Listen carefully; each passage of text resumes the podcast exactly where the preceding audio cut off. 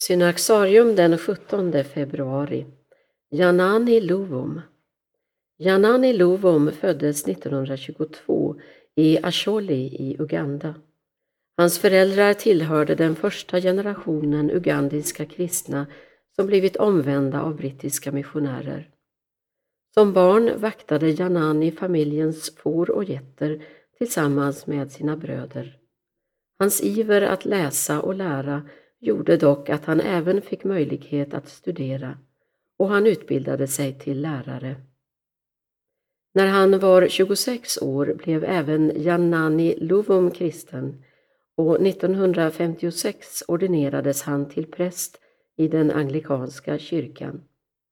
1969 utsågs han till biskop i norra Uganda och fem år senare till ärkebiskop över Uganda, Rwanda, Burundi och Bogasair. Vid denna tid hade Idi Amins regim tagit makten i landet. Janani Luvum kom att bli en av de mest betydande kyrkoledarna i det moderna Afrika. Han drog sig inte för att offentligt protestera mot diktaturens brutalitet i Uganda och blev en röst för både de kristnas och den övriga befolkningens missnöje.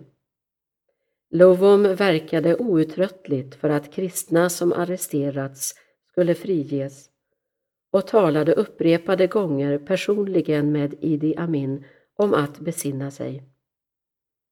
När de regeringsledda massakrerna 1977 ökade blev ärkebiskopen allt skarpare i sina uttalanden mot regimen.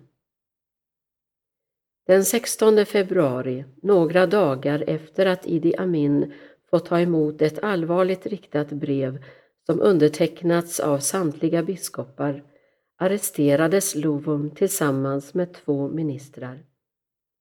Ärkebiskopen anklagades för att ha varit agent för den tidigare regimen och för att ha planerat en statskupp. Dagen därpå rapporterades att Luvum hade omkommit i en bilolycka tillsammans med de två regeringsrepresentanterna när dessa skulle ha försökt övermanna chauffören för att fly.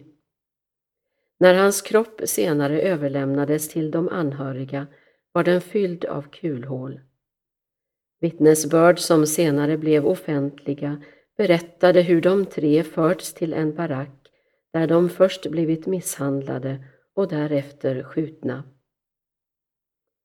En kort tid före hans död hade Lovums hustru vädjat till honom att inte kritisera diktatorn offentligt.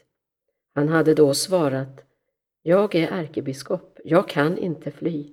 I vad som än händer mig ber jag att få se Herrens hand. Janani Lovum firas den 17 februari som martyr i den anglikanska kyrkogemenskapen. Han står staty utanför Westminster Abbey i London som representant för 1900-talets martyrer.